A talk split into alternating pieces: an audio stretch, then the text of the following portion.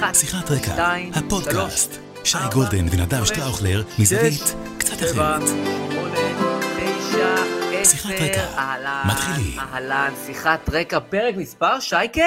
שבעים! תשמע, איזה ציון דרך? אינלדין. מי היה מאמין? מי היה מאמין אז, בבוקר ההוא, האביבי, איפה שזה לא היה אז, היה אצלך במשרד בעצם. שאמרנו, אתה יודע מה, היה לנו רעיון למשהו, ואמרנו, אתה יודע מה, אולי ככה כדי לחמם את המנוע, נעשה פודקאסט, נראה איך מה יקרה, ו-70 פרקים אחרי, הנה אנחנו פה. יאה. אז טוב, אז נתחיל ונגיד, אנחנו שיחת רקע, ואני נדב שטראוכלר, ואיתי פה שייקה, המתגייס הטרי לצה"ל, גולדן. נכון, השבוע מי שמאזין- הסתיימו כן, לא, השבוע הסתיימו השלושים על אבא שלי, ומן הסתם לא התגלחתי ולא שום דבר, וכשנגמרו השלושים אמרתי, זה היה ביום רביעי, אמרתי, אתה יודע מה? בוא נעשה התחלה מחדש. אז uh, הוא, הוא ישוב, הוא ישוב הזקן, אני מעריך, אבל uh, אתה יודע מה, אולי, אולי הקהל יבקש אחרת, מי יודע. נעלה את זה להצבעה, נעשה פור, נעשה הצבעה על העניין. אה, אז נגיד שאיתנו גם, מאחורי הקלעים ולפני הקלעים, ועורך אותנו, ומפיק אותנו, ומפיץ אותנו, רני דה לג'נדרי אשל, איתנו תמיד. אה, ותשמע, שייקה, פרק 70, אחי, פרק 70. אז במקום מהדורות חדשות, אתם יודעים מה יש במהדורות חדשות, נכון? אתם יודעים מה קורה, נכון? אתם תשמעו פרשנויות שאני לא רוצה לומר שום מילה רעה עליהן, אבל הן פחות טובות ממה שאתם תשמעו פה. אתם תשמעו ניתוחים, אני לא רוצה לומר מילה רעה על אף אחד מהפרשנים והמנתחים, אף אחד. אבל אם אתם רוצים לקבל פרשנות אה, באמת הפ- הפוליטית, לדעתי הכי טובה שיש היום בישראל בתקשורת, אז במקרה חברי ושותפי לא, לא. ורעי לדרך, נדב שטראוכלר נמצא פה איתי, אז הנה, תראו איזה קטע, הסתדר. הסתדר. הסתדר, אה, הסתדר נהדר, הסתדר מבריק. לכם, אם תרצו אני אעשה לכם את אה, מהדורת, ה, אה, את מהדורת החדשות לבד, בסדר? יאיר לפיד חזר מצרפת מעוטר הישגים. ראש הממשלה, הנשיא מקרון תיאר אותו כאחד המדינאים הגדולים של זמנו. נקסט. אם לא אה, הגדול ביותר אי פעם. בהחלט. משפט נתניהו, מסתבר שהסיגרים היו מסוג קובאני מיוחד, פרימיום, דבר ששופך צל כבד מאוד על התנהלותו המוסרית של נתניהו. כמו כן, ליקר היה מוגז, ליקר יוקרתי במיוחד, גם זה שופך אור אפל מאוד על כל כהונתו של נתניהו וכל פועלו. עשיתי לכם את המהדורה, אתם רוצים עוד? יש עוד, עוד ידיעות. יש עוד מה ידיעות. יותר מזה? מה יותר מזה? מה יותר מזה, תגיד? מה עוד נבקש? תקשיב, איזה חיבוק נתן שם לפיד למקרון, תגיד, תקשיב, אני, אני רוצה להגיד משהו על, על החיבוק, ואז נתחיל עם כל החולצות וכולי וכולי. אגב, רק שתדע שלדעתי הוא פגש את מקרון יותר, מש... יותר פעמים הוא היה שם אצלו בבית מאשר שהוא היה בכנסת בשנים האחרונות. זה אין ספק. תראה, מצד אחד חדשות טובות, באמת, בלי שום ציניות, שום ציניות, לראות ראש ממשלה ישראלי מחבק חיבוק כזה חם, נשיא צרפתי, מדינה חשובה באירופה, אין ספק, חדשות טובות, יפה, לנו כיהודים זה טוב, אין מה לומר, צריכים לומר את זה, כל הכבוד ללפיד, ובהחלט אה, בהחלט משמח לראות את התמונה הזאת. מצד שני, אדוני, אתה ראש ממשלת ישראל, כן? אתם לא נפגשים בערב פוקר של בנים, אתם לא אוהדים ממגרש כדורגל, אתם לא uh, מתחבקים אחרי שזכיתם בלוטו, אז זה לא האירוע. קצת פאסון דיפלומטי, קצת נראות. אפשר להראות אה, חיבה וחום גם בלי לעשות את הדבר הזה שהוא באמת פשוט לא דיפלומטי ברמות מביכות כבר. אתם לא חברים, זה לא סיום קורס אה, אה, קד"צ, זה לא האירוע. זה לא האירוע, אתה ראש ממשלת ישראל והוא נשיא צרפת, שמור על כבודנו. אתה יכול להיראות חם, אוהב ולבבי גם בלי להתבזות. אפשרי. זהו. פשוט ישב לי ואמרתי, אוי, מה זה? מה זה? מה זה? מה זה? מה זה? טוב. לי אין בעיה עם זה, שיתחבקו, שיחליפו לא. בוסות. לא, אבל זה טוב. שראש ממשלת ישראל וצרפת אה, ונשיא צרפת אה, מתגדדים. זאת טוב הבעיה מאוד. האחרונה שלי באירוע הזה, טוב מה מאוד, שנקרא. מפרגן, מפרגן לשניהם. תשמע, שייקה, אה, קודם כל לחיים, לחיים, אה, בשורות טובות, בעזרת השם, אה, אמן, אמן. שיהיה לנו ימים טובים, ועוד מעט אני מניח שיש. הרבה אנשים שיתפסו אותנו ככה לקראת השבת, אנחנו מקליטים בחמישי בערב, ויש לנו אה, שישי ארוך, אז אנחנו מאוד משתדלים ככה לה- להספיק אה, לה- להגיע לכל הפלטפורמות עד שבת, נעשה זאת גם היום. אז קודם כל, באמת, פרק 70, כל, כל פרק שאנחנו מגיעים ויש אפס בסוף, 20, שת- בטח בעשייה הראשונה, מדהים. 20, 30, 40, 50, 60, 70, זה באמת אה, יוצא מן הכלל. אתה יודע שקראתי באיזשהו מקום שהרוב המוחלט של הפודקאסטים מגיעים עד פרק 50 ולא עוברים אותו. זאת אומרת, פרק וואלה. שני, או רביעי, או שמיני, או 49, אבל הרוב המוחלט זה קצת כמו לימודים באוניברסיטה הפתוחה, אתה יודע, כאילו נרשמים, אבל מה? מפסיקים.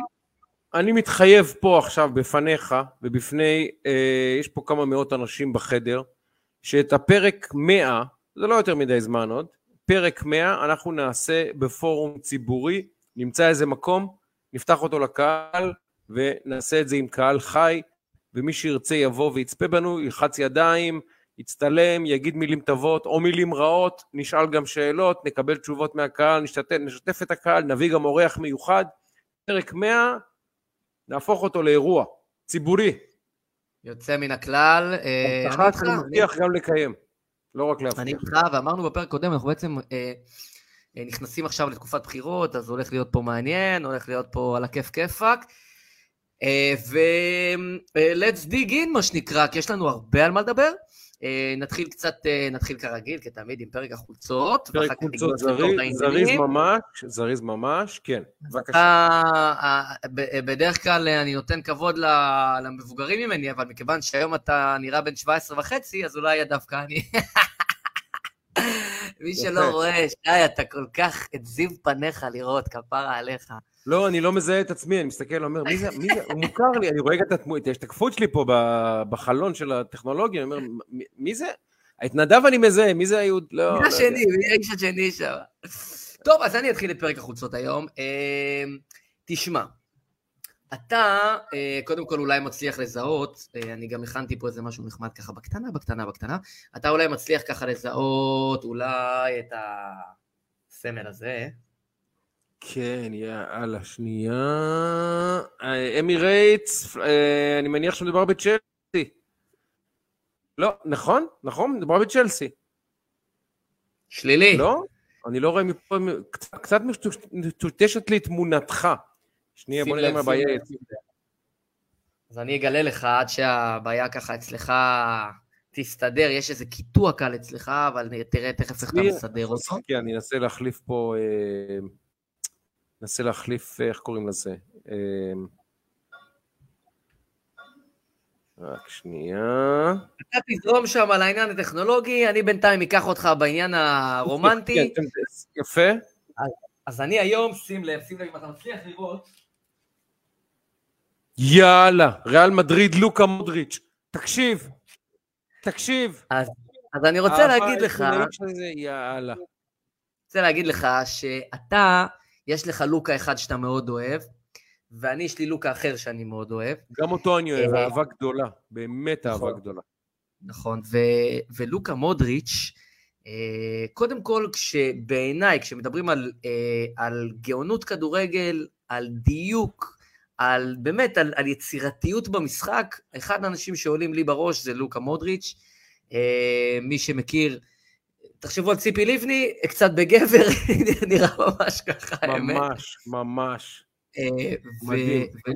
ולוקה מודריץ', אה, לא רבים יודעים, אבל יש הרבה שחקנים קרואטים אה, מצוינים אה, לאורך השנים, אה, אבל לוקה מודריץ' הוא היחיד שזכה בפרס כדור הזהב. ואני אספר לך סיפור קטן על אה, לוקה מודריץ'. בגיל 6, אני מקריא פה פסקה קצרה, בגיל 6 הוא ומשפחתו הוכרחו לברוח מן האזור שבו חיו.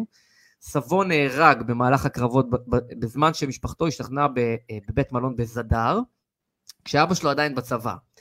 אה, הוא התחיל לשחק כדורגל תחת נסיבות קשות, ולפני שאבא שלו שב מהשירות הצבאי, ובאמצעות מעט הכסף שהיה למשפחה, הוא רשם אותו לאקדמיית אה, ספורט המקומית בזדר, והוא כמובן היה מוכשר במיוחד, ובשנת 2002, כשהוא בן 17, חתם בדינמו זגרב, שזו קבוצה מוכרת אה, שם, אה, ואחרי העונה בקבוצה אחת, הוא הושאל אה, לקבוצות אחרות, והוא באמת הוכתר ככוכב הגדול של הכדורגל הקרואטי, ובכלל, ואז ב- ב- הוא בגיל 18 הוכתר בתואר שחקן השנה, והוא טען בהמשך הקריירה שלו גם אחר כך. מי שמסוגל לשחק כדורגל בליגה הבוסנית, מסוגל לשחק בכל מקום. אה, ובאמת יש משהו באזור הסלאבי בכלל, באזור הזה, אה, של כישרונות מיוחדים, של הסתכלות אחרת על המשחק, בכלל, בספורט, שזה מאוד מדהים. אה, אז הוא ככה כמובן פרץ, המשיך, התעצם, עד שבעצם הגיע אחר כך לטוטנאם, ומטוטנאם עבר בהמשך לריאל מדריד, ולוקה מודריץ', שחקן מאוד צנוע, מאוד נעים, מאוד אהוב, ואני חושב שפרק 70, אה, מצאתי לנכון להביא את, ה, את היצירתיות של האיש הזה לפה לקדמת הבמה, אז היום אני מרים באהבה רבה ללוקה מודריץ', אחד השחקנים אה, היצירתיים מה. שמדהים בשחקן הזה, אתה באמת, אתה רואה אותו ברחוב, אתה, ישאלו אותך אם אתה לא מכיר אותו, מה האיש הזה עושה למחייתו? מתוך 100 איש, אני מסופק. אם חמישה יגידו שהוא שחקן כדורגל מהטובים ב- מה- בטופ, אפשר לומר שגם היום הוא בטופ 10 בעולם? אפשר לומר, גם היום? מהטובים ביותר בעולם, כן. נכון, גם היום. הוא לא צעיר, הוא שהוא- בן 36, משהו זה, כזה. זה ממש מדהים, זה, זה, זה, זה כמו ג'ון סטוקטון, שהוא באמת אחד השחקנים הגדולים בהיסטוריה, הולך ברחוב, אתה אומר, אה, זה רואה חשבון נחמד, אני, אני מכיר אותו מהתוכנית המשפטית הזאת, אתה לא מבין מי זה ג'ון סטוקטון, אותו דבר לוקה מודריץ', מי זה הלוקה מודריץ' הזה? אה, הוא עורך דין? מה, מאיפה אני מכיר אותו? מה, הוא בערוץ 14 מגיש פינה? מי זה האיש הזה? אתה כן. לא קולט את זה, ספורטאי על, זה מדהים. אז לא התכוונתי, מדהים. הם מגיבים לי פה, לא התכוונתי לפגוע לא בציפי לבני לא ולא בלוקה מודריץ', לא אבל. ובטח לא בסלאבים, מאיר כהן נפגע בשביל הסלאבים, סליחה, מאיר בשם הם האומה פשוט יש הסלאבית. דמיון, לא במשחק ובכישרון וביכולת, פשוט הם קצת דומים, זה הכול. בשם, ה... אה, בשם האומה הסלאבית אנחנו מתנצלים כולנו, אבל באמת, לוקה מודריץ' מדהים. טוב, היום. לא היום, זה היה לפני שלוש... יום... יומיים, זה היה ביום שלישי, מלאו אה, 31 שנים לאחד מרגעי הספורט הגדולים מאוד, באמת אחד מרגעי הספורט, שלא קרה למגרש, הוא קשור לגופייה שלי. מג'יק ג'ונסון הגדול, מכנס מסיבת עיתונאים ממש מעכשיו לעכשיו, ומכה בתדהמה את העולם, ומודיע נכון. לכולנו שהוא אה, נדבק בנגיף ה-HIV. בשעתו, אם אתה זוכר, אתה באמת צעיר ממני, אם אתה זוכר, זה נחשב גזר דין מוות. ממש, נכון? ממש. זה נחשב גזר דין מוות, ומג'יק ג'ונסון היה אז לצד ג'ורדן באמת, אי אפשר להסביר את הגודל של כמה גדול היה השחקן הזה, כמה מפורסם הוא היה, כמה מוכר. הליגה למעשה חייבת לו וללארי ברד את, את המעמד שלה היום. אחרי זה בא ג'ורדן וכולי, ומה שאנחנו מכירים היום נבנה על הגב של מג'יק ג'ונסון. זו החולצה, 32, לייקרס, אני באמת, אתה יודע מה, מה זה בשבילי לייקרס, זה כמו בשבילך ללבוש, ללבוש אדום. אבל, ידידי, כשצריכים לתת קרדיט, צריכים לתת קרדיט, וזהו. אז אמרתי לכבודו, אה, הנה הוא בחיים, 31 שנים אחרי, אה, סליחה, כן, 31 שנים אחרי הוא בחיים, אה, שיהיה בריא עד 120 באמת, עושה רושם שהוא כנראה יישאר איתנו ויזדקן בצורה מכובדת, ו... אבל את הרגע הזה, מי שזכר אותו, מי שחווה אותו בזמן אמת והבין את המשמעות שלו, לא ישכח. אני ממש בכיתי. אני בכיתי שלוש פעמים בספורט. בוא נראה אם תנחש את השלישית. הראשונה, כשמג'יק ג'ונסון... אבל מיליאן, אני חשבתי שאתה תיתן לי את הגביע. לא, לא, לא, לא, דמעות של עצב. אני לא בוכה משמחה, אני בוכה מעצב. אחד, כשמג'יק ג'ונסון הודיע שהוא אה, פורש, וחשבתי שהוא מת. חשבתי שאנחנו נפרדים ממנו. שניים, כשדרזן פטרוביץ' מת. אני זוכר איפה הייתי כששמעתי את הדבר שדרזן פטרוביץ' מת. ושלוש, נו, נו, נו. קשור אלינו, נו, קשור אלינו. נו. דבר עצוב. השלוש אפס הארור באימקה של הפועל על ביתר ב-84, כשהיינו צריכים לקחת אליפות, ל"ג בעומר, אני חושב. ל"ג בעומר, מוצאי שבת, והיה ל"ג בעומר בדיוק, ואני ילד בן 14 עם טרנזיסטור, אני ואבי חגי ודודי ביטון, שני חברים שלי, אבי חגי לא אוהד בית"ר, אבל דודי ביטון ואני אוהדי בית"ר אכזריים. היינו נוסעים לכל משחק, אז בית"ר הייתה ברדיוס ברמת גן, כל שבת שנייה ברמת גן, משחק ביתי, כל שבת שנייה. והשלוש אפס הזה, אלוהים בשמיים שיעזור לנו באמת, שבתאי לוי שיהיה בריא, ומשה סיני שיהיה בריא הוא. אני לא זוכר שבכיתי מספורט אף פעם ככה. באמת, זה פשוט, שמעתי את זה אגב מעוד אדם. אה, פשוט ש- שברו לי את הלב, שברו לי כן. את הלב. באמת. יפה, תשמע, טוב, משברון כן. לב, אה, בוא נדבר קצת על אה, דברים אחרים. אני, אני, כן. אני רוצה ברשותך, מכיוון שאני רוצה לנצל את הנוכחות שלך פה ואת ה, באמת הידענות הגדולה שלך במשחק הפוליטי ובמערכות פוליטיות שניהלת, קמפיינים שניהלת, פוליטיקאים שאתה איתם מצוי בחדרי חדרים שמעטים מעטים, כולל עיתונאים, לא נכנסו אליהם אף פעם. אני רוצה לשאול אותך לגבי איילת שקד, ותיכנס לראש שלה, תנסה להיכנס לראש שלה ולהסביר לי מה האנד גיים שלה. מה רוצה איילת שקד עכשיו מהחיים? בואי ננסה לנתח את זה. יש לה שתי אפשרויות מרכזיות כרגע. אפשרות אחת, קודם כל היא הצליחה להחזיק את האנשים אצלה אה, בשלב הזה וללא פיצול. יש לזה משמעות אה, מבחינה לא אלקטורלית, את זה עוד נראה, ומה יקרה, וזה עוד יכול להתפצל מאה פעם. יש לזה כן משמעות מבחינת יחידות המימון, אה, זה לא משהו לזלזל בו, כי קמפיין יש לו אנרגיה כלכלית, ואם יש לך אנרגיה כלכלית ומנוף כלכלי יותר גבוה, הסבירות שלך לקבל בולטות היא גבוהה יותר, זה משוואה ברורה לכל ילד. יש לה בגדול אה, שתי אפשרויות משמעותיות. האחת, ובהינתן שהקמפיין הזה לא יתרומם, אה, לפרוש. להשאיר את השלד המפלגתי, אה, לפרוש, ולעשות לביתה, ואולי לחזור, או כל דבר אחר. אפשרות שנייה, לשנס מותניים. היא קיבלה בשבוע שעבר בסקר של, לא זוכר אם זה היה 12 או 13, חמישה מנדטים, בעיניי זה מנותק מציאות, אבל היא קיבלה את זה וזה סקר אמיתי. ואנחנו יודעים, אפשר להמציא את עצמך מחדש, תראה את בני גנץ.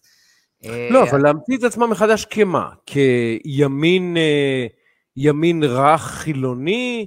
כמרכז אה, שפונה לכולם, בתור מה, איפה היא רוצה להתמקם בכלל? היא תצטרך לעשות אה, שינוי מאוד משמעותי, והיא תצטרך לבוא ולשנס אנרגיה מאוד חזקה, ולייצר לעצמה אלקטורט שכרגע כולם נושאים אליו מבט. אה, אני קופץ ליאיר לפיד, אבל זה מתקשר לעניין הזה ועוד נחזור אליו. אה, למעשה, בנאום הבחירות הראשון של יאיר לפיד, אה, אה, הוא בעצם חשף את אסטרטגיית הקמפיין השנייה שלו. יש כמה אסטרטגיות, את החלופה הראשונה דיברנו עליה. אתה מדבר על, על הנאום לאומה במוצ"ש או על הנאום כן. בפתח, כן? כן? הנאום, הנאום, הנאום הצ'רצ'ליאני, שבו הוא דיבר כאילו שהוא עומד לשגר באמת את חיל הים למתקפה על, השייט, על, על חיל הים האיראני. ככה זה נשמע. אני מדבר בדיוק על זה. הנאום הזה, אה, כן. הנאום הזה, אה, בו הוא בעצם כראש ממשלת מעבר, מתניע דה פקטו, כמובן דיברנו על זה מזמן, הוא התניע את הקמפיין לפני שבועות רבים, אבל באופן רשמי אה, הוציא אה, מה שנקרא יציאה החוצה עם הקמפיין, והיה מדהים לראות דבר אחד, עזוב שנייה, שים בצד את ה... שמע, יש לו יכולת, ואתה תדע להעריך את זה היטב, יש לו יכולת יוצאת מן הכלל, הוא באמת בטיר 1 של מקריאי הפרומפטר בישראל, באמת, אני לא אומר את זה עכשיו וזה, אה, האיש יודע להקריא בטקסטים בצורה אה, מדויקת, מצוינת, בטונציה, הוא יודע לעשות את העבודה במובן הזה, אף אחד לא ייקח את זה ממנו. איפה הבעיות מתחילות אצלו? כשאין פרומפטר. הוא בקמפיין הזה ינסה להיות לאורך כל הדרך מקסימום מול טקסט מובנה ומוכן לכתחילה ומראש. הוא ינסה וינסו לחשוף אותו אה, בדומה למקביל שלו האמריקאי שהולך להגיע לפה בשבוע הבא, אה, וגם על זה עוד נשוחח אולי בפרק הבא קצת יותר, אה, ינסה להיות מקסימום מול טקסט כתוב, כי בטקסט כתוב הוא מצוין, הוא יודע להכין את עצמו, הוא יודע לבטא את עצמו, הוא יודע אה, לשחק עם הקול, לשחק עם, ה, עם האינטונציה, עם ה tone of voice מה שנקרא, הוא יודע למסגר מסר נהדר, הוא מצוין בזה. הבעיות מתחילות כשאין פרומפטר. הבעיות מתחילות כשאין טקסט מוכן. והמציאות היא בישראל היא כזאת שמה לעשות, לא הכל אפשר מראש לתכנן ולחזות, אנחנו במדינת בלטם. ולכן אה, האתגר יהיה כשהוא יפגוש את המציאות. אבל הדבר המעניין היה אה, שהוא, וזה מתקשר לנקודה של איילת, סימן את האזור חיוג שהכי הרבה שחקנים על המגרש מבחינה מספרית הולכים אה, עיניים אליו. וזה מה שקוראים בהגעה הפוליטית הימין הרך. אה, לא בכדי, אה, הוא בא ואמר, אה, ציטט מספר ויקרא, דיבר על יהושע, הפוסט הראשון שלו, בקמפיין הבחירות 2022, המילה, הצמד המילים הראשונות שלו, בפוסט הראשון שלו, בנאום הראשון שלו, אתה יודע מה היה? נו. אנחנו מאמינים. Mm.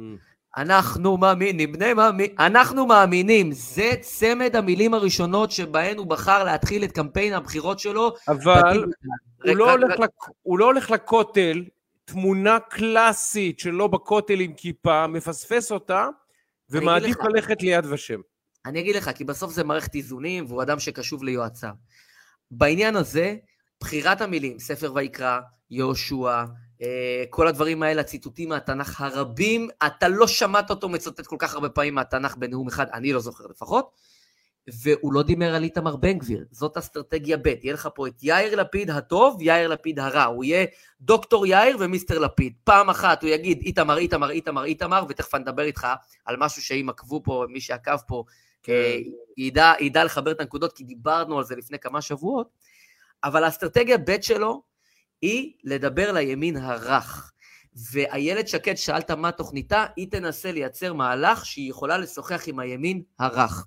היא, לה ולשיקלי יש אתגר אה, דומה, אולי נרחיב על זה קצת בהמשך, אבל זה מעניין מאוד לראות איך מי זה הימין הרך? מי זה הימין הרך? מי זה? הימין הרך אלה אנשים, אלה אנשים שהם אה, אה, מאוכזבים מנתניהו מהליכוד אה, בשנים האחרונות, הם לא יצביעו לאיתמר בן גביר, ומה לעשות, המדינה, תשמע, אתה מסתכל היום על, על, על, אה, על הליכוד, נגיד 30 ו... קח את זה, 34 מנדטים, זה למעשה, למה זה מפלגת העם? קח את מרץ, רע"מ, המשותפת, ימינה, אה, אה, תקווה חדשה, לדעתי, העבודה, שש או שבע מפלגות ביחד, equal לליכוד. הליכוד, שש, שבע מפלגות, אותו דבר. רק שנבין רגע את הפרופורציה, למה זה המפלגת ה...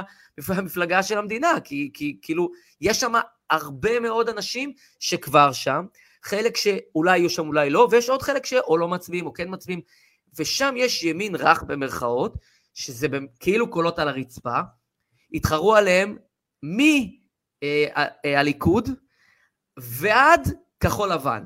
בני גנץ לוטש אליהם עיניים, יאיר לפיד לוטש אליהם עיניים, הרבה שחקנים לוטשים אליהם עיניים, ויש הבנה כפולה. פעם אחת, אם נצליח לספוח, זה כמעט הקהל היחיד שיכול להעביר, שבפוטנציאל אפשר להעביר אותו צד. בבחירות אתה צריך לייצר אדישות פעם אחת, ופעם שנייה להעביר צד, זה הגולדן טרופי. אם הבאת, אם הבאת אה, מצביע מפה לפה, עשית את המהלך הזהב. ויאיר לפיד מה- לא, מה- לא סתם עונה לקהל מה- הזה. מה הגודל של הקהל הזה? אנחנו מבינים שיש קהל שהוא לא ליכוד, שהוא לא שניים- בין שניים לא לארבעה מנדטים. אז בין שניים לארבעה מנדטים, גם שקד לוטש עיניים, גם סער לוטש עיניים, גם לפיד אתה אומר לוטש עיניים, הליכוד גם רוצה מן הסתם ביס מהעוגה הזאתי, גנץ, אה, גנץ פספסנו כמובן, אה, שכחנו עוד מישהו? אז מה, שש אלה. מפלגות, חמש מפלגות על ארבעה מנדטים? מה- מה מה האירוע? זה לא טיפה יותר מדי. אנרגיה? זה לא טיפה יותר מדי אנרגיה? לא, לא. כי המשחק הוא על המתלבטים, ושם יש קהל מתלבט. שם יש קהל מתלבט. מאוכזבי ימינה, אה, מאוכזבי בנט, יותר נכון להגיד. אה, אנשים שלא יצביעו לבן גביר, אנשים שגם לא יצביעו לעבודה ולמרץ. אבל הם נמצאים, בנטייה שלהם הם ימין, אבל הם לא ימין מובהק, קשה, אידיאולוגי אה, משמעותי, או כן. ימין שלא מתחבר בהכרח לאחת מהדמויות שעומדות בראש המפלגות האלה. ולכן הוא אומר, אוקיי, או שאני אצליח אולי בתרחיש מסוים להביא אותו אליי, אומר את זה גם גנץ, או בתרחיש מסוים אגרום לו לא להצביע. כך או אחרת, פגעתי בנקודה רכה. ושמה, אה, הרי אתה מתאר לעצמך שיאיר לפיד הוא מכונה משומנת, דברים לא נאמרים סתם, בטח אם פרומפטר מונח לפניו, הוא כתב את המילים האלה, מישהו כתב לו אותם, הוא לא סתם מצטט כל כך הרבה מהתנ"ך, הוא לא סתם פותח ב"אנחנו מאמינים", כך, בצורה, כך בהבנה שיש פה אסטרטגיה, יש פה, יש פה רציונל, זה לא מקרי וזה לא אה, קורה בטעות. אז אתה אומר, אוקיי, למה? למה? זה למה. ותשים לב, במערכת הבחירות הזאת, הרבה מאוד שחקנים לוטשים עיניים למה שאנחנו קוראים הימין הרך. ואני אשלים את הנקודה ממקודם, שאנחנו דיברנו על, אה, אני אמרתי לפני כמה פרקים, עוד לפני שבכלל הוא התחיל להגיד בן גביר, בן גביר, אמרתי שמי שרוצה להיות שיכור בקיץ הזה, כל פעם שיאיר לפיד יגיד בן גביר, שייתן צ'ייסר. אז אמרתי, פעם אחת זה פשיטה, כי כאילו, אה, אתה יודע, הוא רוצה להוציא מאדישות המצביעים שלו, זה on the surface. under the surface, אם אתה זוכר, נתתי עוד טיעון. כי הוא רוצה להיות הקמפיינר של בן גביר. כי הוא רוצה אה, להרים את בן גביר עוד ועוד ועוד, ולמה? כי אם הוא ירים את בן גביר כל כך גבוה, שעד כדי כך שהוא יהיה דו-ספרתי, אז גם בן גביר וגם בצלאל, שהם שני אנשים שיש גם טמפרמנט, יש גם כל מיני עניינים, הוא יביא ביניהם לפיצוץ, ואז הוא יביא את שניהם לזה שכך שהם לא ירוצו ביחד, אלא רק אחד, מי שעוקב פה, אני אמרתי את הדבר הזה בעבר, אה, אחד מהם, אה, זאת אומרת, הם ירוצו לא ביחד, ואז אחד מהם לא, פוטנציאל שאחד מהם לא עובר, אם אחד מהם לא עובר, תם הטקס. ותסתכל מה קרה השבוע, תסתכל מה קרה השבוע, הם רבים ביניהם. נכון, האח של, מי זה, זה האח של סמוטריץ'? טוביה סמוטריץ', כן. כן, האח של סמוטריץ', עם מי? עם... עם בן משפחה של, אגב, אח של סמוטריץ', אח של דריקס. כן, האחים רבו ביניהם. אבל תקשיב, ישב אצלי איתמר בן גביר באולפן לפני אה, שבועיים, שאלתי אותו בדיוק את זה. אמרתי לו, תגיד, איתמר, ב- בלשון יותר עדינה, יש מצב שיעלה לך ותגיד, רגע, מה אני צריך את בצלאל בכלל? שאלתי אותו את זה בשידור חי. יש מצב שתגיד לעצמך, רגע, מה אני צריך את בצלאל? אני יכול להביא שישה שבעה מנדטים, שבצלאל יבוא אליי, מה אני צריך אותו? מה הוא ענה לא, לך? לא, מה, הוא אמר, מה, מה פתאום, הוא אומר? כוחנו באחדותנו, אנחנו ביחד, אנחנו הלכנו דרך ארוכה וכולי וכולי, ואמרתי לו, תגיד, אוקיי, בסדר, בוא נעבור לשלב, לשלב היותר קשה. אתה פוליטיקאי, הוא פוליטיקאי, אתה תרצה להיות מספר אחד, בו- בוודאי. הוא אומר, לא, לא, אני מקבל עליי את בצלאל וההנהגה שלו. זאת אומרת, הוא אמר את כל הדברים הכי אה, נכונים בח- בחזית הפנימית, הכוונה. בחזית הפנימית. הוא אמר, א', כוחנו באחדותנו. יצא לי גם לראיין את אבי מעוז ביום ראשון, שני, מתי שזה לא היה השבוע. שאלתי אותו אותה, אותה שאלה, אמרתי לו, אבי, אולי אתה איזה גלגל שקצת מפריע לחגיגה. כי סמוטריץ' ובן גביר לא צריכים אותך, והם יכולים ביחד אולי אפילו לגדול ולפנות לקהלים חדשים. שאלתי אותו גם, מה הוא אמר? כוחנו באחדותנו. גם הוא, כוחנו באחדותנו, לא פורש. אמרתי לו, רגע, ואם תהיו 14-15 מנדטים, תרצה בטח גם אתה ייצוג אה, יחסי אה, משמעותי שלך. הוא אומר, לא, לא, זה לא מעניין אותי, הוא אומר. אותי מעניין את הדרך, לא מעניין אותי מספרים. אה, עכשיו, כולם אומרים את הדברים הנכונים. אני שואל אותך, נדב, כן? אתה קצת מכיר את, ה, את האירוע, מה שנקרא, יותר טוב מאחרים. האם סביר בעיניך שהדבק שמדביק את שלושתם, שהיה דבק נכון לשעתו לפני, בבחירות הקודמות, הוא יהיה נכון לשעתו גם בבחירות האלה, אולי נמצא את עצמנו בעוד חודש או חודשיים עם סקרים מאוד מעניינים, ואני מעריך שמערכות עיתונאיות חכמות ינסו לפצל בין בן גביר לסמוטריץ' ויציגו סקרים שבן גביר לבד מביא שבעה מנדטים וסמוטריץ' לבד מביא רק ארבעה למשל, או אולי לא עובר את אחוז החסימה, כדי לייצר עוד, אה, להכניס עוד לבה רותחת ליחסים ביניהם. ואז עולה השאלה, האם אתה חושב שהמשולש הזה יצליח לרוץ חזק, כי באמת כוחו באחדותו, אין שאלה. עוד חזון למועד. אה, כאילו מוקדם מדי. 119, אם אני לא טועה, או 118, 119 ימים. אה, עוד מוקדם מדי. ברור שהם יגידו את זה. אה, אבל אה, בוא, זה, זה אירוע של תחזק אותו עכשיו, ולא, אני שוב אומר, יאיר לפיד, לא פראייר. יש שם אנשים רציניים. תגיד, אם את אתה היית. מר בן גביר ואתה רואה סקר מחר במעריב, שיש לך לבד שמונה מנדטים, אה, אין מה לעשות, עולה לך, עולה לך, אין מה לעשות. כי מה שקורה פה זה שבן גביר, אני, אני אומר את זה באהבה רבה, אני אוהב את בן גביר ואוהב את סמוטריץ', באמת אוהב את שניהם אהבה גדולה, אני גם יצא לי לפגוש את שניהם הרבה פעמים בשנה האחרונות, למדתי להכיר אותם כאנשים, אנשים, כל אחד בדרכו יש לו את הקסם שלו. אבל תקשיב, אין מה לעשות, בן גביר קצת דורך את המותג סמוטריץ'. סמוטריץ' היה מהלך, להיות ימין יותר ממלכתי, קצת לברוח מהסמוטריץ' של פעם, להיות סמוטריץ' יותר בוגר, יותר ממלכתי, אולי אפילו עם עיניים, יום אחד להיות אפילו, מי יודע, ראש ממשלה, שר ביטחון ברמות האלה, מי יודע? ופתאום בן גביר, עם הבן גביריות שלו, אני אומר את זה בחיבה, אה, אתה יודע, אוכל לו את כל העוגה. השאלה מצד- זה אם סמוטריץ' יצליח להכיל את הדבר הזה, כי כלול בתוכו גם שינוי של המהלך שהוא עובר עם עצמו ועם המיצוב שהוא רוצה לראות את עצמו בתוך התמונה הישראלית. תראה, הם הולכים עוד מעט לפריימריז בציונות הדתית. אה, יהיה להם פריימריז, זה יהיה מסקרן, כי הרבה אנשים לוטשים עיניים שם. אה, יש שם כן מאבק על המיקומים. אה, יש שם רשימה עם הרבה אנשים טובים, אה, הרבה אנשים עם שאיפות, אה, וזה יהיה מסקרן. בוא נעקוב אחרי המגמה הזאת, זה יהיה מאוד מעניין. אני מקווה בשבילם שהם יצליחו לשמור על הדבק, זה לא יהיה פשוט, ייכנסו הרבה טריזים שם בתוך העניין הזה. וזה זה אירוע שילווה אותנו, זה אירוע של- אגב, שילווה אתה אותנו. צודק לגבי לפיד, אם ללפיד יש שכל, הוא יחזק את סמוטריץ' ובן גביר כמה שיותר, כי ככל שהם יותר חזקים ויותר עולים בסקרים, ככה תיאוריית ההפחדה שלו מתממשת וקורמת עור וגידים ומפחידה את הימין הרך. על זה דיברתי, ספק. על זה. דיברתי לכתחילה. צודק בניתוח לחלוטין. על זה דיברתי לכתחילה, לכן כמה שלפיד אומר, בן גביר, בן גביר, בן גביר, הוא במודע אה, ובצורה אה, דקלרטיבית לחלוטין, וזה כאילו על השולחן, הוא מחזק את איתמר. הוא מחזק את, אה, את, את המפלגה באופן אה, מובהק וחד משמעי, והוא יודע את זה. זה כאילו, אתה יודע, זה כמו שהוא אומר בקמפיין שלו, אה, מפלגה נורמלית, לאנשים נורמליים, ממשלה נורמלית, זאת, זה, זה פרופוגנדה פוזיטיבית. על דרך החיוב, אנחנו הנורמלים, הם לא נורמלים.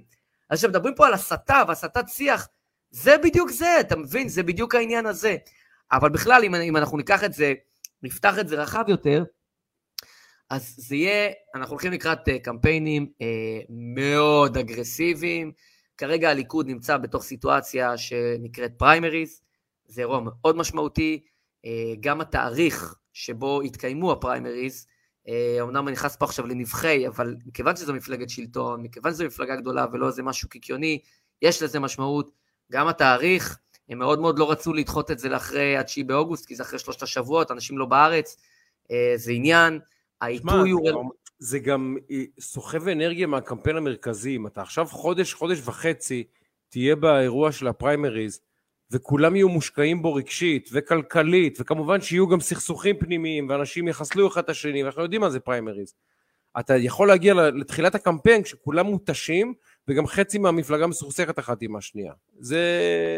מצד שני, אתה יכול להיזכר בקמפיין שבו אה, אה, נתניהו רץ, אה, ורץ אה, ועשה קמפיין שטח כשהוא היה בפריימריז, אה, וזה נתן לו בוסט מאוד מאוד חזק. זאת אומרת, זה מאוד מאוד מאוד תלוי, זה יכול לכל מיני מקומות, זה יכול גם לייצר אפקטיביות, מאוד תלוי לאן זה ילך.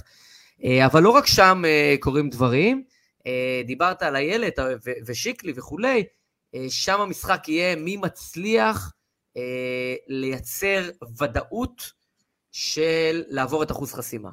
שיקלי בבעיה קשה מאוד, קשה מאוד. הסיפור הוא אמונה ורמת ודאות גבוהה למעבר אחוז חסימה. אה, מי מהם שיצליח, אגב, מרץ הולכים להיות בבעיה דומה. עוד, הולכים- עוד נדבר על מרץ, תכף אני אגיד, יש לי נאום על מרץ, ואז תנתח אותם. אז כן. תראה, הסיפור במפלגות הקטנות, אה, אני תמיד נותן את הדוגמה, אה, גם בהרצאות, אה, של אה, פייגלין. פייגלין זה אירוע מרתק בסוציולוגית, הוא אירוע מרתק של השמדת ערך ב, ב, במהירות הכי גבוהה לדעתי בהיסטוריה של הבחירות בישראל. זאת אומרת, מי שזוכר, הוא נסק, היה הייפ מטורף סביבו, זה, זה היה סוג של מפלגת הגמלאים, זה היה משהו out of the blue, מגיע פתאום, הגיע... הוא היה איזה חודש, הוא הגיע שבעה לש- מנדטים. באיזה סקר. באיזה חודש אחד פתאום קפץ. מפלגה, עכשיו שתבין, זה דיסוננס עצום למי שמבין את הלך הרוח הישראלי, האלק, האלקטורט ובכלל. להגיע לשבעה מנדטים כשאתה נטול בייס, נטול בייס, אין ל... לא היה לו בייס. זאת אומרת, אתה, אתה מסתכל על ליברמן, אבל רגע, אתה זוכר על מה הוא רכב? על הלג- על- על- על.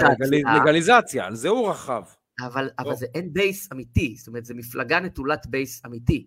אה, ליברמן, הוא מתחיל משחק, סתם אני נותן אותו כ benchmark לעניין, הוא מתחיל משחק, ב, לא משנה באיזה יום, לא משנה באיזה מצב צבירה, עם שלושה מנדטים. שלושה, שלושה וחצי מנדטים, לא משנה מה קורה, הוא הולך לים עכשיו לשלושה חודשים, הוא קם בבוקר של הבחירות, הוא עם שלושה מנדטים, הוא לא עשה כלום, יש לו שלושה מנדטים על עיוור. עכשיו מפה זה מנוף, זה קמפיין, זה עוד כל מיני דברים, זה הלך רוח. פייגלין אין לו, אין, אין, אין לו בייס, זה לא קיים. ופייגלין הגיע לתאוצה אנרגטית מטורפת, עד כדי כך שהוא הגיע בסקרים לשבעה מנדטים, אבל הוא היה בסימן שאלה. כל הזמן היה משהו שהוא לא עד הקצה, היה משהו שהוא לא היה עד הסוף. ואז קטע אחד של 20, 30 שניות אולי, מוויינט, שבו הוא יושב ומישהו נופק לו לטמות על הרגליים, על הכפות רגליים, שנותן לו שם מכות כמו איזה מסאז' כזה, אתה זוכר את הקטע הזה? בלתי נשכח. ברור, ברור. קטע הזה של 20 שניות עשה לו השמדת ערך מבין 3 ל-7, מנעד מאוד גדול, לאפס עגול, לכלום. קטע אחד, הוא עשה קמפיין דיגיטל שאפשר ללמד עליו, באמת, בבתי הספר הגבוהים ביותר של קמפיינים, הוא עשה קמפיין מבריק, הוא עשה את עצמו קול, מלא גגים, מלא דברים, הוא ממש שיחק על, על סגמנט ועשה עבודה מדהימה. קטע אחד של 15 שניות או משהו כזה, שנותנים לו כאפות על הרגליים, גמר אותו. עכשיו, באותו רגע אנשים הבינו, ממש כמו איזה הונאת פירמידה, לא שאני אומר שהוא הונאה חלילה, אבל במכה אחת אה, הוא, הוא השמיד את הערך שלו. למה? כי הבינו מהר שיש פה בעיה, ובשנייה לאחר מכן הבינו שהוא לא עובר אחוז חסימה, הוא הפך מחמש לאפס ברגע.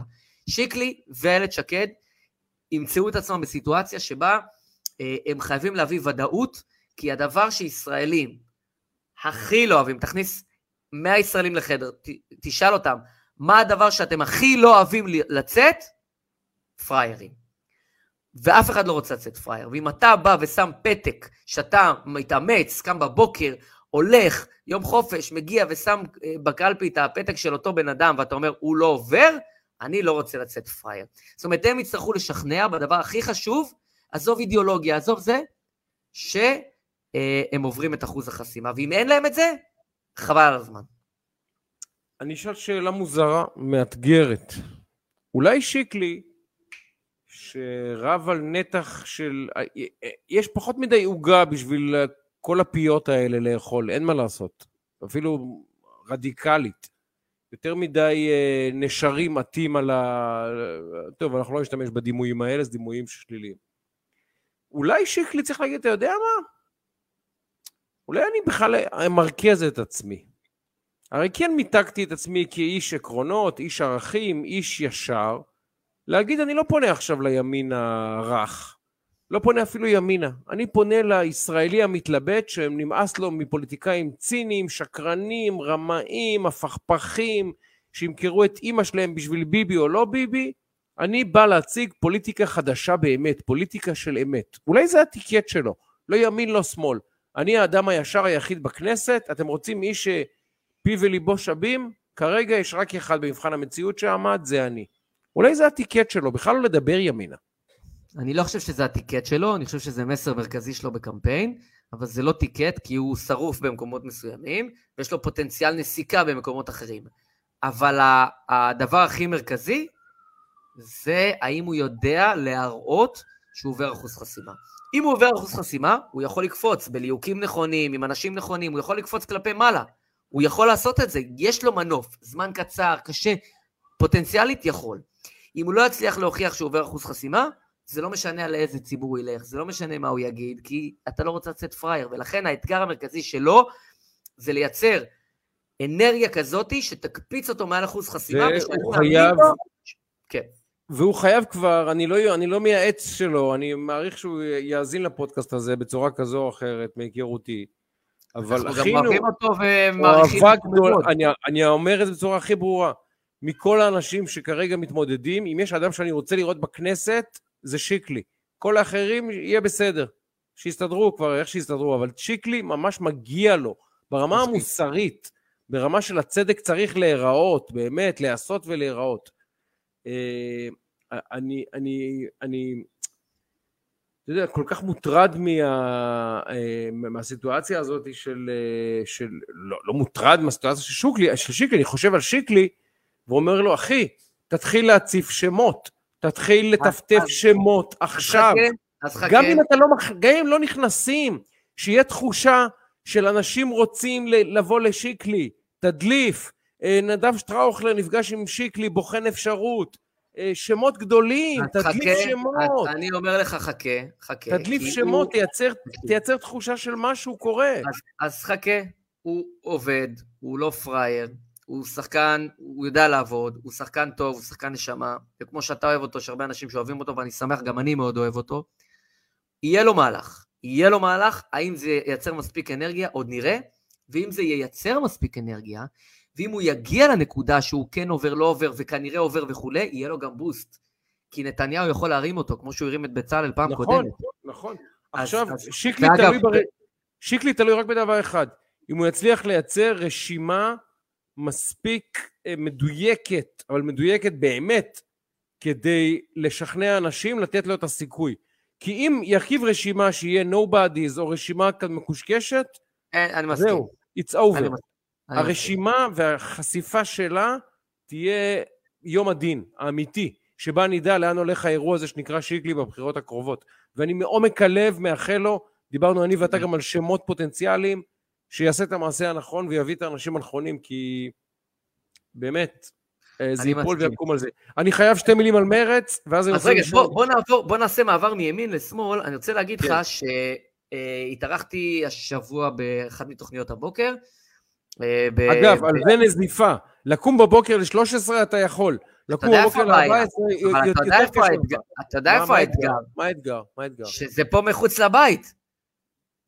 אחי, אני במקרה יודע איפה אתה גר, במקרה אני יודע גם איפה האולפן שלו יש ל-13, יש פה את ה-25 דקות נסיעה, לא, גם בין 6 לא, וחצי בבוקר. בשש בבוקר זה אה, רבע שעה, ומפרגנים במונית. אבל אתה עדיין צודק. טענתך. מתקבלת. זאת. טענתך מתקבלת וצודקת. תקופת בחירות, לא תבוא פעם אחת לערוץ 14, אני אבוא ויותר. מפעם אחת. אבוא ויותר. מפעם. טוב. will do. אז רציתי להגיד לך. שהיית ב-13 אבל- השבוע, כן? מימין לשמאל. ו... וישבתי, ויש איזשהו קטע שם בתוכנית, אה, שאמרו לי לפני, ושזה בא בטוב, להגיד משהו שבא בטוב. אז כתבתי, כתבתי על זה גם בפייסבוק, וגם אחר כך דיברתי על זה, אה, ואמרתי שאני רוצה לפרגן למרב מיכאלי. לפרגן למרב מיכאלי. אה, ו... ואמרתי שאני מפרגן על זה שהיא הייתה בחתונה של הנכדה של גפני, מהמם. ו... ובאה ונתנה בראש ורקדה, וזו מצווה גדולה, הרב עובדיה אמר, וגם רבים אחרים, שזו מצווה גדולה לשמח ולרקוד ב- ב- בחופה, וזה דבר, וזו מצווה מאוד מאוד גדולה. אז כתבתי את זה, ואז אה, שמעתי כמה טענות, שתיים מרכזיות הן אחת, רגע, אם לא היה הבחירות, האם היא עדיין הייתה הולכת? ושתיים, מה אתה מפרגן למרב מיכאלי, היא משוקצת או משהו אחר. אז אחד, אני חושב, ואולי אנשים יעריכו את זה פחות, אולי יכעסו יותר, זו דעתי, ואני בדרך כלל משתדל להגיד את דעתי. אני חושב שאם אה, מישהו עושה מהלך שהוא מכבד, שהוא אנושי, שהוא יפה, צריך לפרגן עליו. ואני כאילו יצאתי וביקרתי את, אה, את אה, מרב מיכאלי אין ספור פעמים על מלא דברים. לצד זה צריך להיות הוגנים. ואני מאוד אהבתי, אמיתי, אהבתי לראות את זה. בוא, יש לה קהלים שיכולים לשבת לה לה, למה באת לעזרת נשים? וגם עשו לה את זה. איך את אה, יוצאת, איך את זה, את, את מושפלת, את זה. וואלה, כיבדה, ראיתי, וזה גם ל- לעניות דעתי, ביכולת השפיטה שלי. זה היה אותנטי, ואני אהבתי את זה, והנה, פרגנתי לה גם בטלוויזיה, ואני מפרגן לה גם פה באהבה רבה. ככה אני חושב שצריך לנהוג. הדבר השני, שאלו אותי, רגע, אבל אם זה לא היה קמפיין בחירות, הייתה- הייתה באה? לדעתי כן. ואני מאמין לה בעניין הזה. יכול לבקר אותה מאה פעם, אבל כמו שאנחנו מבקרים, אנחנו צריכ, צריכים גם בעיניי להיות מספיק הוגנים וגם לפרגן כשצריך, אז אני פרגנתי באהבה רבה. ומפה, באמת למה שקורה בעבודה ומרץ, אירוע מרתק. אני אה, חייב על מרץ שתי מילים, ואז נשמע את למה הביטוח. שתי מילים? תן יותר, למה? תן. אני אשתה משהו בינתיים. שמע, אני באמת, אה, כאמור, נער הייתי וגם זקנתי, ואת מרבית חיי הפוליטיים הבוגרים ביליתי בצד שמאל. אני מכיר את אנשי מרץ, גם את כל הפעילים, גם את כל הפוליטיקאים, חלקם אני מכיר היכרות אישית צמודה, חלקם היכרות אה, יותר רחוקה, אבל אני מכיר את המפלגות האלה לעומק. אני, את העבודה ממש לעומק, את מרץ גם טוב מאוד, אשתי לשעבר כפרה עליה, באמת אם ילדיי, שתהיה בריאה, אישה יפה ונהדרת, מצביעת מרץ כל חייה, שתהיה בריאה, באמת. אני אף פעם לא הלכתי, לא, אף פעם לא הלכתי עד מרץ, אבל באמת כל חבריי, נדב, לשעבר, הם כבר לא חבריי כי אני ביביסט, אבל כל חבריי הצביעו מרץ. אני ממש מכיר את מה עובר בראש של מצביע מרץ. עכשיו, מצביע מרץ, הוא יש לו שלושה טיקטים, אוקיי? אחד, אה, ישראל צריכה להיות מקום יפה, צודק, מקסים, רומנטי, נפלא ונהדר ואוטופי. מרץ היא בכלל מפלגה של אוטופיה. מרץ מקדמת אוטופיה. אם אתה שואל עצמך, מה בעצם ה- ה-DNA העמוק של מרץ? היא מקדמת אוטופיה. נחיה זאב עם כבש וכולנו נהיה כמו אחים. כל הכבוד, מחשבה נאצלת. שניים, מרץ, אה, אה, הכלים שלה, מזה נגזר, אחד, מאבק עבור זכויות אדם וזכויות מיעוטים. כל הכבוד. באמת יפה מאוד, זכויות של להט"בים, פועלים זרים, לא יודע מי. כל מי שרואה את עצמו מיעוט, חלש, נדכה, אני בעדו, אומרת מרץ. כל הכבוד. שלוש, דו-קיום. דו-קיום. זה אבן הראשה של כל האירוע הפוליטי-מדיני שנקרא מרד, זה דו-קיום. הם למעשה מובילים את הקטר של השמאל לעבר החזון של מדינת כל אזרחיה. שיהיו בריאים, הכל בסדר. עכשיו, בשבוע האחרון קרו שלושה דברים מעניינים מאוד במרץ. אחד, ג'דה רינאוי זועבי ומרץ כבר לא. חיים שלנו, חיים שלנו. חיים שלנו, כפרה עליה, ג'דה רינאוי זועבי שטרללה את המדינה. אולי טרללה- שיקלי יביא אותה לרשימה, זאת. אולי. הצליחה לטרלל גם את ניצן אה, הורוביץ, שהפריש אותה מהמפלגה וגרם לה לומר אני ומרץ לא רצים יותר, לא לפני שהיא עושה נאום מדהים על מה עושה לה, עושה לה כת רק לא ביבי. אמרתי, אה, אמ- אמרתי לעצמי, אני וג'דה רינאוי זועבי אחים, מה שהם עשו לה עושים לי, אותו דבר. אני, אתה, אראל סגל, ינון, כולם וג'דה רינאוי זועבי אחים, יודעים על מה היא מדברת. דיברה באותה שפה שלנו. היא אמרה, זה כת של אובססיבים מטורפים, לא רואים בעיניים כלום, רק לא ביבי. קללות, איומים ברצח. אמרתי, ג'דה, אני איתך, מה שאת אומרת, קדוש. עכשיו, ניצ... אה, ניצן הורוביץ כל כך נפגע מג'דה רינאוי זועבי, שתקשיב, הוא עשה דבר שבמושגים של מרץ, זה בניואנסים, אבל זה במושגים של מרץ זה קו שחור שלא חוצים. הוא קרא לה, האישה הזאת כבר לא במרץ. כך הוא אמר. עכשיו, מי שמכיר רטוריקה של פמיניסטיות, שזה עיקר המצביעים של מרץ, ונשים שמגדר הם בראש מעייניהם, כשאתה קורא לאישה, ועוד האישה ממיעוט, האישה הזאת, it's over, אחי. אני אומר לך, בתוך הקודים של מרץ, לא סתם יאיר גולן יצא, קרא תיגר על הנהגתו. לא סתם, אחי. צריכים להכיר את הקידודים של השפה הפנימית במרץ. הוא עשה מעשה no-no קשה. זה כמו אמירה הומופובית, תדע. שיהיה לך ברור, זה בסדר גודל של אמירה הומופובית או חושב אמירה... שזה כאילו אני אומר האמירה לך הזאת? בהיכרות עמוקה. דיברתי גם עם אה, רעייתי לשעבר, אמרתי לה, תגידי, מה את אומרת על זה? היא אמרה, הזדעזעתי! הזדעזעתי, איך הוא אומר את זה?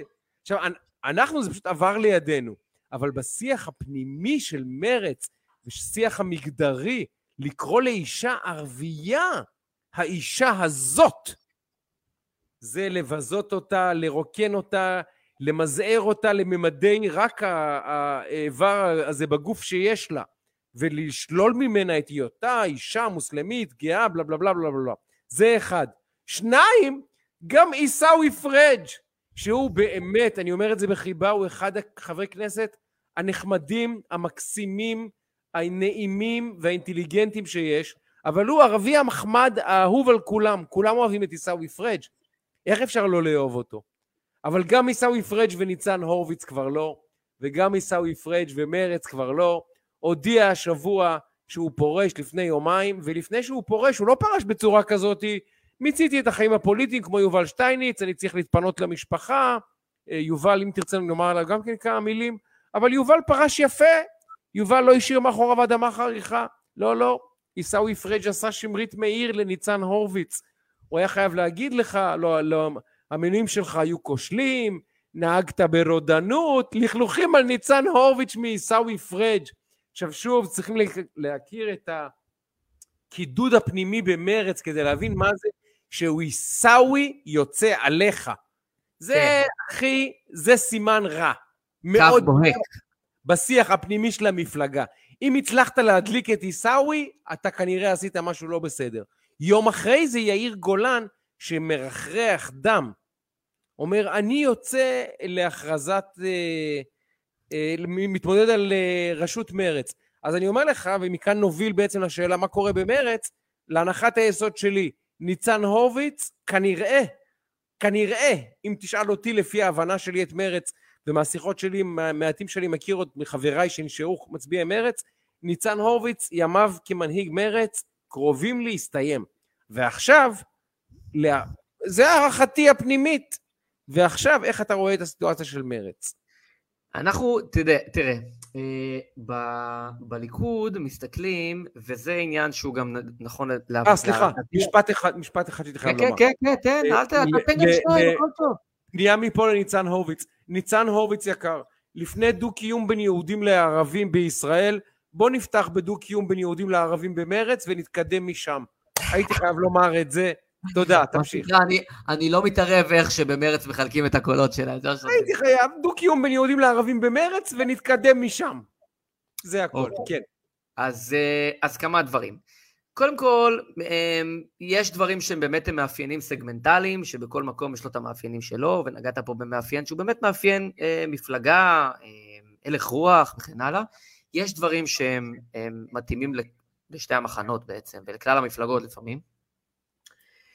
יש עניין, אה, אתה יודע, מתחיל משטייניץ. קודם כל מילה על שטייניץ, איש נהדר, אה, אני. מפרגן לו, ג'נטלמן. אתה מעמיק מאוד, ידען אחד מאוד. האנשים היחידים, אני אגלה סוד קטן, אה, אחד האנשים היחידים שקראו לנתניהו, ונתניהו אה, קיבל את זה בחיבה, ביבי. הוא קרא Mm. לנתניהו ביבי. אני מעולם לא קראתי לנתניהו ביבי, בשבילי הוא היה תמיד ראש ממשלה, אמר נתניהו עכשיו וכולי, אבל אה, כתבתי על זה בעבר, על הקטע הזה של ביבי. אתה יכול לקרוא לו בתקשורת ב- מישהו אחר, אני פשוט יש לי היכרות אישית, אז אני מסתכל על זה, אבל, אבל לקרוא לו, ל, ל, כשהוא ראש ממשלה, לקרוא לו ביבי, כשאתה מכיר אותו ועובד איתו, זה לא קורה. אבל עם שטייניץ, לנתניהו היו יחסים מאוד מאוד מיוחדים. אה, הוא מאוד העריך את דעתו ועמדתו, אה, והקשיב לה. ו, ושטייניץ אה, איש יקר, והוא מסיים את הדברים, אה, אה, זה עוד לא סיים, אבל בגדול, מסיים את הקריירה הפוליטית שלו אה, בצורה מאוד יפה אה, ומכובדת, אה, ואני באמת מאחל לו רק אה, טוב, זה ברמה האישית לגבי יובל והעניין הזה. בהחלט, בהחלט, אה, קלאסה, קלאסה של בן אדם, קלאסה. כן, כן, כן, איש חכם, איש משכיל, אה, ואיש מעניין, ברמה גבוהה, ובאמת אה, ברמה חבריו. אה, אם נחזור שנייה אחת למרץ, אז אה, גם בליכוד וגם במרץ בעניין הזה הם שותפים, שאתה, הרבה פעמים אתה רוצה לקחת את הסוס המנצח. מרץ נמצאת בבעיה קשה מאוד. בקמפיין הקודם הם התחילו את הגוואלד מאוד מאוד מאוחר. הם עברו, לא עברו וכולי. היום הם כבר בגוואלד 120 יום לפני הבחירות. עכשיו, זה אירוע נשחק, אתה לא יכול לרוץ גוואלד 120 יום, זה לא... בוא, אתה תצעק ככה, בסוף זה עובר ליד האוזן. אתה מבין למה קשה. אבל? אתה מבין כן, למה? בוודאי, בוודאי. עכשיו תראה, הם נמצאים בסיטואציה שבה הם יחפשו את מי שבסבירות הגבוהה ביותר יוכל להעביר אותם את אחוז החסימה. עכשיו, אתה צודק שלא בטוח שזה ניצן. ויאיר גולן, צריך להגיד, עשה עבודת שטח אה, מאוד משמעותית ב- בתקופה האחרונה. אנחנו זוכרים את הסרטונים שלו עם הבדואים, הוא עושה. עבודה בקיבוצים, באזור הכפרי ובכלל, זאת אומרת, הוא עשה עבודת שטח מאוד גבוהה. מצד שני, בוא, מדובר באדם שממש הלך all in על נוהל שכן. על, אתה יודע, זה בן אדם שהוא גנרל, אלוף, שיש לו מה שנקרא על החגורה, זה דיסוננס לא פשוט. אז השאלה אם אתה רוצה לנצח בקרב, או שאתה רוצה לנצח במערכה. למצביעי מרץ הולך להיות, התלב... הולכת להיות התלבטות מאוד לא פשוטה. במקביל, אה, אני מניח שיש גם חלק ממצביעי מרץ, לא יודע איזה, שנרתע מההתבטאויות הקיצוניות שלו, תתי אדם על מתנחלים, מחלה לא- ממארת על נתניהו. אני מניח שיש איזה אחוז קטן, לא ברור מהו, שזה מטריד אותו. השפה, הרטוריקה. אני לא יודע מה מטריד אותו, זה או יותר העבר שלו, אבל יש שם, יש שם אה, אירוע לא פשוט, על אף שיש פה דיסוננס, כי הוא עושה עבודת שטח מצוינת, אז אתה יודע, זה, זה פתוח. ו, ובתוך העניין הזה, אה, יש את מפלגת העבודה. מפלגת העבודה בשום צורה לא רוצה להתחבר למרץ. מרץ באיזושהי נקודה יבואו בתחינה ליאיר לפיד, שיחבר אותם למפלגת העבודה, כי הם יבינו שהם במצוקה קשה. והולך להיות פה דיסוננס לא פשוט, כי, כי אני לא חושב שמרב מיכאלי תעמוד על רגליים אחוריות, בשום פנים ואופן היא לא רוצה את מרץ איתה. בשום פנים ואופן, אני אומר לך. אגב, בשום. אגב, אני אגיד לך משפט, בתור שוב מי שמכיר את המפלגות האלה ממש טוב.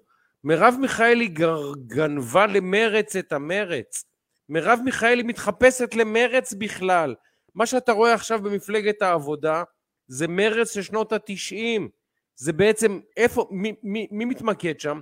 הפמיניסטיות, השמאל היותר אזרחי, פרוגרסיבי, זה מרץ, זה הקהל של מרץ, היא גנבה להם אותו. את הקהל המסורתי של מפלגת העבודה תמצא אצל לפיד ובני גנץ. את, ה, את הציונים המפאיניקים הם כבר עזבו את מרב מיכאלי, מה לה ולהם, הם לא קשורים לזה בכלל. אני אומר לך, פגשתי את איתן כבל ועוד כמה חברי כנסת, לא רוצה להגיד שמות. איתן כבל, פשוט אה, דיברתי על זה איתו בשידור, אז מותר לומר. אמרו לי, מה לי ולהם? זה לא, זה לא מפלגת העבודה כבר, האנשים האלה. אז זה הסנטימנט במפלגת העבודה. מפלגת העבודה הפכה למשהו אחר, ומה היא הפכה להיות? מרץ. ועם כל הכבוד למרץ, יש כבר מרץ, אז עכשיו שני אלה בעצם נאבקים על אותו קהל, נדב. כי מירב לא פונה לקהל של גנץ ול- ולפיד, היא לא, היא לא מנסה לאכול להם את העוגה. היא, היא, היא, מנסה לשחק על שני המגרשים, אבל מה שזה גורם, ודיברנו על זה בעבר, שאם אחת המפלגות, בטח אם מרץ וגם רע"מ לא יעברו, אבל אם אחת המפלגות לא עוברת, המשחק נפתח. נפתח. נכון, המשחק כן. נפתח לחלוטין, ולכן, וזה מפתח קריטי להצלחה אה, לנתניהו, ולכן בסיטואציה, בכלל לגוש הימין מן הסתם, ולכן בסיטואציה הזאת אני מאמין שיאיר לפיד יפעיל מכבש ממש רדיקלי וקשוח מאוד, עליהם להתאחד. אם הוא. יבין שמרץ לא עוברת, ולכן הפריימריז ובכלל הסיטואציה במרץ היא מאוד מאוד משמעותית, כי בהינתן ומרץ תגיע לנקודה בה היא הולכת לשרוף עשרות אלפי קולות, אה, הם ינסו לייצר פה אחריות גושית, אבל זה משהו שצריך להיסגר מוקדם, ומירב אני- לא תרצה לעשות את זה. אז אני אפתח סוגריים וזה יהיה סוגריים לשאלה. אה, שוחחתי עם אה, אדי כהן ועם נאיף אבו סוויס, אחד פרשן למגזר הערבי שלנו, אדי כהן, שהוא אגב, האם ידעת שאדי כהן הוא תושב, אזרח לבנוני לשעבר? שהוא עלה ארצה לא. מלבנון? לא ידעתי. לא? אדם מקסים, אגב מתמודד בפריימריז של הליכוד, אדם מקסים, ידען גדול, יודע לפגוע ב, אה, בלב של השיח הערבי, חיצים מאוד מדויקים. נאיף מעניין. אבו סוויס, אזרח ישראלי ערבי, תושב רמלה, גם כן מתארח אצלי בתוכנית לא פעם ולא פעמיים. שניהם אמרו לי דבר מרתק, הוא אמר לי, אתם, אתם מפספסים משהו גדול שקורה במגזר הערבי. הולך להיות ציבור, אה, אה, אחוז הצבעה נמוך היסטורית, אולי הנמוך ביותר מאז קום המדינה, הוא אומר. יש מיאוס מוחלט מהשיטת בחירות הישראלית, מהמשחק הישראלי, איבדו אמון לחלוטין בפוליטיקאים, כמו כן זה חלק מהמחאה הערבית שאנחנו אה, רואים מאז אה, שומר החומות 2 מרימה את ראשה, והתנתקות כזאת עם המדינה היהודית והמוסדות שלה, אומרים הולך להיות אחוז הצבעה מזעזע במגזר בבחירות האלה, וזה אומר שיכול להיות שנמצא גם את רע"מ בחוץ. זה לא תסריט דמיוני. לא המשותפת דמיוני, תעבור. לא דמיוני, תשים, לא- תשים עין לזה גם. לא דמיוני, ודיברנו בשבוע שעבר נדמה לי, על הנושא הזה של הקמפיין של, אה, של הליכוד, שיהיה להראות, כמו שרוצים להצמיד את BBB, בן גביר, בצלאל, ביבי בצד אחד, בצד שני, יראו לך שזה או, אה, או הימין ונתניהו והליכוד, או צד שני של ממשלה של אה, אה, תומכי טרור וכו' וכו' וכו', אה, וזה חרב פיפיות, כי מצד אחד זה באמת מסר מאוד מאוד מאוד מאוד מאוד חזק, מצד שני זה מסר שיכול להעלות את אחוז החסימה במגזר הערבי. לכן זו נקודה מאוד מאוד מאוד עדינה ומדויקת. אני רוצה להספיק איתך עוד שניים שלושה נושאים. קודם כל, ואנחנו מזכירים את זה בכל שבוע, ואגב, הזכרתי את זה השבוע גם בטלוויזיה, וזה חשוב, אה, אברה מנגיסטו, אה, 2,860 לילות וימים אה, בשבי החמאס, ואת זה אנחנו מזכירים בכל שבוע ומזכירים אני גם היום. אחלק את זה למספר ימים כדי שתבינו כמה זמן הבחורצ'יק הזה נמצא בכלא, משפחתו לא יודעת עליו שום דבר, לא קיבלו אות אחד של חיים. תחשבו על, על עצמכם, בן משפחתכם, כמה אמרת? 2,800? 2,860 לילות וימים. אה, שאברה מנגיסטו נמצא בשבי החמאס. אה, דיברנו בשבוע זה- שעבר על ה... אנחנו מתקרבים בעוד חודש וחצי לשמונה שמונה שנים. זה, זה לא ייאמן. זה לא ייאמן. שמונה שנים, תארו לעצמכם, בין משפט... שאלו לעצמכם מה עשיתי לפני שמונה שנים, איפה הייתי, איך נראו החיים שלי, והאיש הזה שמונה שנים, המשפחה שלו לא יודעת אם הוא חי או מת. ואנחנו פשוט, אה, חוץ מנדב וממני ופה ושם, מי מדבר על זה? מזעזע. אז אנחנו נמשיך לדבר על זה. ורציתי להספיק איתך עוד משהו אחד לפני שתיקח אותנו לכיווני הזה. זה, אה, אני- לא יכול להגיד לפחות משפט וחצי על הנבחרת הנוער שלנו. חייבים. תשמע, מה נגיד? מה נגיד? וואו, וואו, וואו, איזה כיף, איזה עונג. אני, ל- לא לצערי, כי אני שמח וגאה בכך שאני שומר שבת, אבל במרכאות לצערי, לא ראיתי ביום שישי בערב את, ה, את הרגעי הקסם האלה. ו- נכון, הפסדנו, אבל אמ, זה פשוט קבוצת איכות, והמאמן אופיר חיים, ובכלל כל הדבר המדהים הזה של חבר'ה צעירים, שאתה מסתכל על העתיד, מי, ש... מי שעוקב אחרינו יודע שאני אה, עוד מהפרקים הראשונים אה, מדבר על מנור סולומון שנמכר בסכום הגבוה ביותר בכדורגל הישראלי אה, לפולהאם, זו עסקה שמסתיימת כרגע לליגה האנגלית הראשונה, לפרמייר ליג, אה, ואני אוחז בכך שהוא השחקן הישראלי הטוב בהיסטוריה. אוחנה בשבילי הוא לא שחקן כדורגל, הוא מעל, אבל חוץ מזה, השחקן המוכשר ביותר בכדורגל הישראלי. בכישרון. כן, בכישרון. קודם שישיג דבר שניים בחיים, בוא. ו- ואני חושב שזה, שזה אה, באמת אה, מדהים לראות את החבר'ה האלה, זה באמת נותן תקווה. אני התרגשתי בצורה בלתי רגילה לראות אותם, את, ה- את הביחדנס הזה, את הקבוצתיות, את התשוקה. זה, זה פשוט מראה כל כך מלבב. אתה יודע מה, מה, אתה יודע מה היה מדהים? החצי גמר, שהשדר הצעיר, שאני גם החמאתי לו חמוד, אחר כך שלח לי הודעה שהוא מאוד התרגש, אור סוכריאנו, אה, mm. שהוא שדר של דברים, של זה, אף אחד לא האמין שיגיעו עד לשם, הוא סך הכל שדר כאילו לא הכי top, זהו צעיר, שידר את החצי גמר, הוא ואורי אוזן, שאורי אוזן אה, אימן חלק מהילדים האלה, coacher ממש, מנטור של חלק מהשחקנים האלה, והם פשוט בחרו בשידור, בהתרגשות. ניסיתי לחשוב מתי בפעם האחרונה שדר, מגיש ישראלי בתקשורת הישראלית, פחה מהתרגשות חיובית. אני לא זוכר. לא זוכר. אני באמת לא זוכר. ו- ותבין כמה זה היה, וכל המדינה הייתה מאחוריהם, אני כאילו הלכתי לבית כנסת וזה, וחשבתי, שחררתי, אבל ממש חשבתי מה, מה איתם. במוצאי שבת ראיתי, וראיתי את הקטע הזה של השער של אוסקר גלוך, גם כישרון אדיר. איזה מהלך, איזה, איזה וירטואוזיות, איזה כושר, איזה, איזה, איזה, ממש, אני מדהים. לך, אני אגיד לך ככה, א', זה נוער, אז המשחק יותר איטי, הכדורים פחות מהירים, הכל אחרת, זה כאילו לראות משחק של נוער, נו, אין מה לעשות. ועדיין, אני אגיד לך שלושה דברים קצרים. אחד, אני ממש לא מאמין במשפט התוצאה משקרת, אבל אם יש מקרה שבו התוצאה משקרת, זה המשחק הזה. צפיתי, במש... צפיתי במשחק הזה באופן אדוק, עד הדקה, ה... עד ל-1-1, כולל אחרי ה-1-1, עד להערכה בעצם, ישראל הייתה טובה בכל פרמטר נקודה. פשוט שיחקה כדורגל טוב יותר, שלטה במשחק, הניעה, זה נראה כמו נבחרת דרום אמריקאית מול נבחרת אירופאית. כל האליפות אגב, כל האליפות הם שיחקו כדורגל שמח. כדורגל חכם, מדויק, טכני, אמנם נחיתות פיזית מפחידה. בהערכה, הנחיתות הפיזית עלתה קומה. הם גם ראו אותם נופלים מהרגליים, והיתרון הפיזי של האנגלים לכל כדור, לכל כדור גובה, לכל טאקל, לכל uh, כדור שצריכים לרוץ ושניים רצים אליו, הם פשוט שמה הכריעו את המשחק פיזית. בהערכה החבר'ה פשוט קרסו פיזית.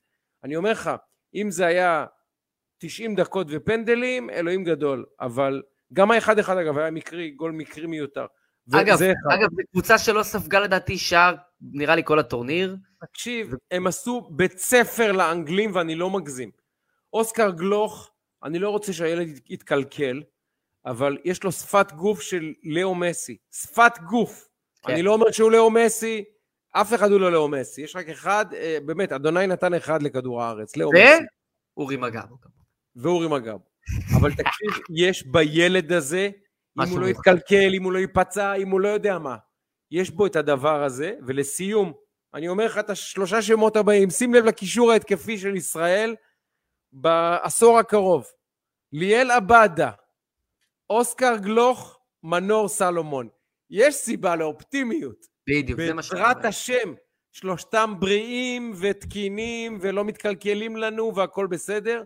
אם שלושתם מתפתחים לפי הפוטנציאל שלהם, נדב, יש פה שלישייה קדמית קטלנית. שלא הייתה פה, שלא הייתה פה. לא הייתה ממש. פה.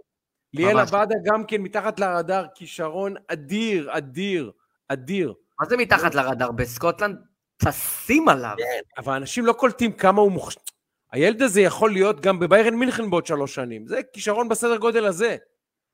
וגלוך, תקשיב, אם הוא מתפתח פיזית קצת יותר, הוא לא נופל מברקוביץ' בראיית משחק. תן לו, תן לו. תקשיב, הוא גולר, הוא איזה... איזה אה. אם אתה רוצה ל- לתת קצת שאלות מהקהל, לעבור קצת דברים שעלו, עניינים וזה, לפני יש שאני... פה, המון ש- יש, פה, יש פה יהודי בשם מאיר כהן, אני שואל את עצמי. אם זה מאיר כהן שלמד איתי בתיכון, יש לי בחור שלמד איתי בתיכון, מאיר כהן היה שחקן כדורגל לא רע בכלל, היה קפטן נבחרת הכדורגל של בליך, שכל עשר דקות אמר, אה, ננסה למצוא פה כל מיני דברים מצחיקים שלו. אה, איפה הוא, מאיר כהן?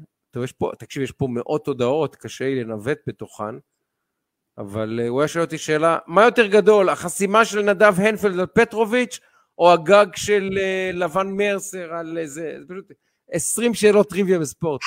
חמוד, מאיר כהן, אז תדע שקראתי את כולם, הייתי עונה לך על כולם. אתה יודע מה, שאלה אחת אני אגיד לך, מאיר כהן, שבכל זאת. מאיר כהן שאל, למה כל הרכזים הגדולים לבנים? אמרתי, מאיר, אחי, איפה אתה חי? מה זאת אומרת? כל הרכזים הגדולים בכלל שחורים. אם תרצה, עשרת הגדולים בהיסטוריה, שחורים. יש אה. שניים לבנים, אבל כל הגדולים שחורים, הכל בסדר. אה, אני נגיד שליטל אה, לא מרשה לנו לומר את המילה סי- סיום, אנחנו לא ערוכים לזה בשום צורה.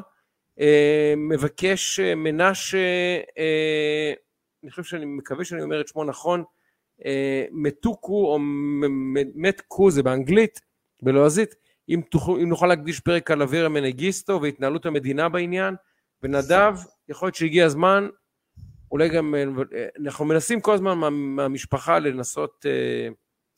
אז ל- נגיד מנשה שקודם כל, מנשה נגיד קודם כל שאנחנו באמת מקפידים, ומי שעוקב כאן יודע בכל שבוע להזכיר את אברה, אני גם, גם אני וגם שי, גם בפלטפורמות אחרות, אה, מנסים להעלות את המודעות בנושא הזה באופן אה, רפיטטיבי במיוחד, אה, ואתה גם צודק, אנחנו גם נקדיש לזה, אנחנו באמת משתדלים, אבל גם נקדיש לזה עוד זמן, חד משמעית, זה נושא שמעסיק אותנו. שואל מוטי, מוטי טלח, אותך נדב, האם יש מצב שתעבוד שוב בקמפיין של הליכוד ונתניהו בבחירות האלה?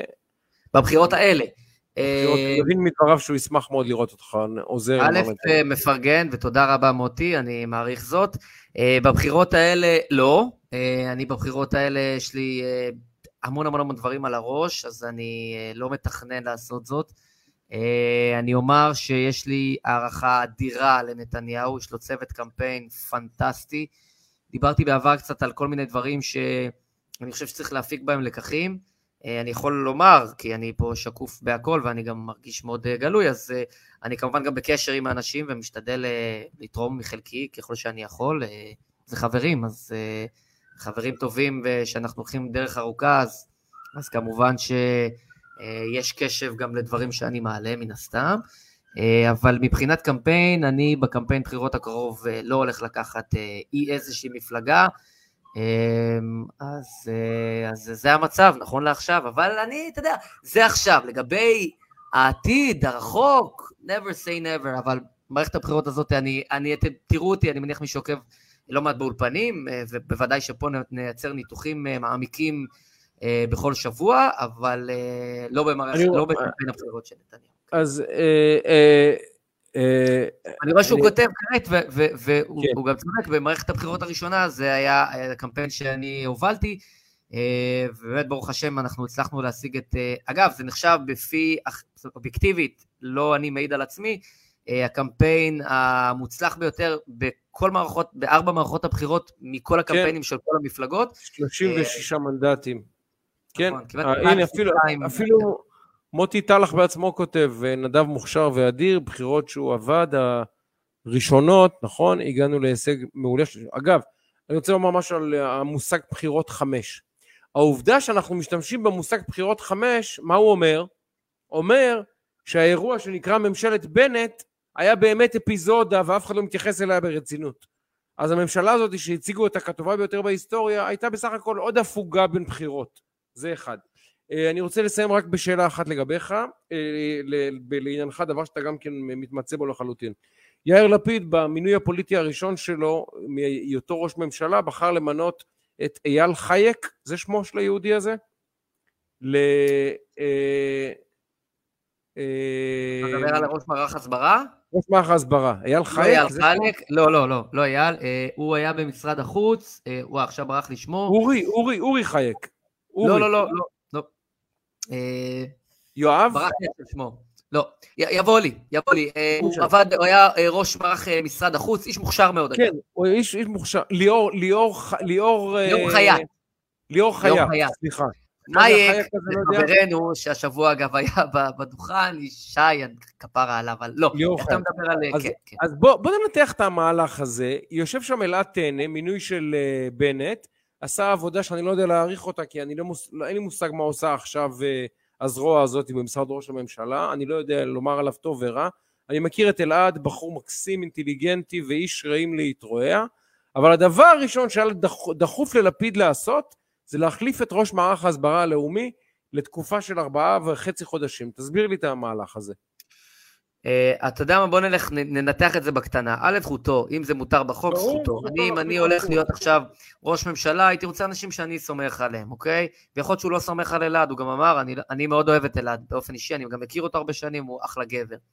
אה, אני חושב שהוא לא קיבל את הכלים, אני חושב שהוא, אה, בסיפור של שירין, אה, אה, הוא היה צריך להיות, אה, להוביל את הדבר הזה, והוא לדעתי לא קיבל את הכלים, זאת הייתה שגיאה בעיניי, בהרג של העיתונאית, שאנחנו עדיין משלמים על המחיר הדבר הזה. אמ, אני חושב שעומק הקרע והמשבר האמיתי בין לפיד לבנט עוד לא התגלה. מה שאנחנו רואים עכשיו, בעיניי, מאפיין בין חמישה לעשרה אחוז מעומק הפיצוץ. מנסים לשדר אידיליה.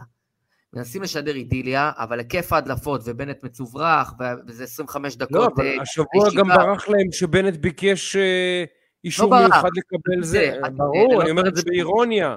לכן אני ומי אומר... ש- מי שהדליף את התרגום של לי לפיד זה ממחנה בנט, אנחנו יודעים, הדליפו אחד על השני.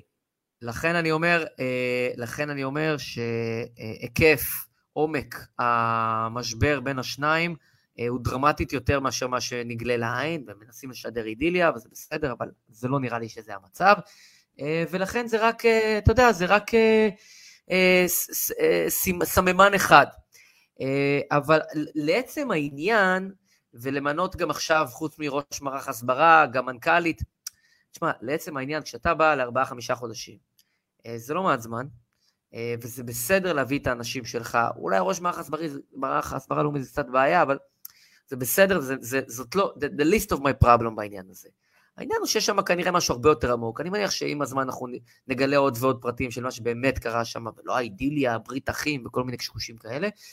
אה, ואולי בפרק הבא גם נדבר קצת על הפרידה של בנט ואורבך והמהלכים הפוליטיים שהיו שם, קצת אולי נרחיב עליהם, זה גם ישפוך עוד טיפה אור, אבל נשמור קצת לשבוע הבא, בוא, יש לנו עוד הרבה על מה לדבר.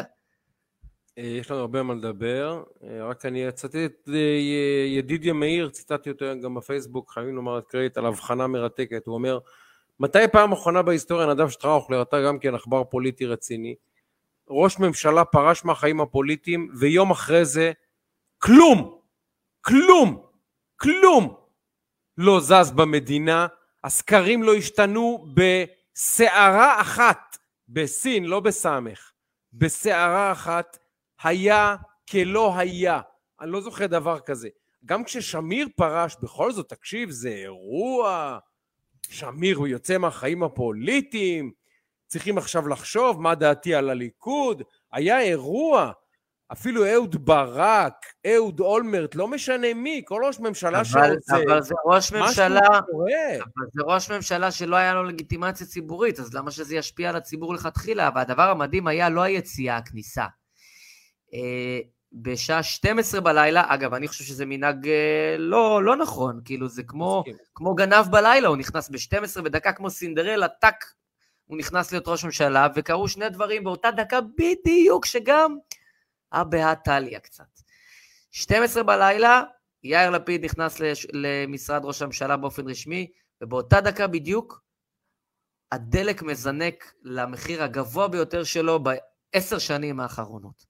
עכשיו, ברור שזה. לא, לא משפיע אחד על השני דה פקטו, אבל ברור. תראה, יש פה עניין סמלי באמת. זה גם נקודה. שייקה, אה, כן, בברכת יחי יחי ליברמן ננוחם. אה, גם אירוע אדיר, כל השנים שה, שהשמאל אומר שהוא מושחת, מושחת, מושחת, שנה האיש גם שר אוצר וגם יו"ר ועדת הכספים. אז תקשיב, אה, אה, מצלצלים באינטרקום, אני חייב ללכת לענות, בוא ניפרד תשמע, אז יפה. אנחנו, אז אנחנו נגיד אה, תודה רבה לכן ולכם, לא מובן מאליו, פרק 70, זה באמת מרגש במיוחד. אני אגיד לך, שייקה, תודה רבה, תודה גדולה לרני אשל, אה, ובאמת כיף אדיר, ואנחנו בספוטיפיי ובגוגל פודקאסט ובאפל פודקאסט ובפייסבוק וביוטיוב, ואיפה לא, אז נגיד לכם תודה רבה על הזמן ועל הקשב, לא מובן מאליו, ואנחנו נשתמע פה, שייקה, כבר בשבוע הבא, בעזרת השם, עם הרבה הפתעות. כך יהיה. כיף אדיר, חברים. סלמת.